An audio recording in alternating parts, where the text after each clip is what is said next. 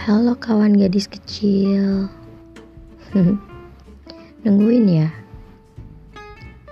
Jangan lupa dengerin dulu. Bakal ada cerita-cerita dan puisi lucu. Hmm, Gak lucu sih.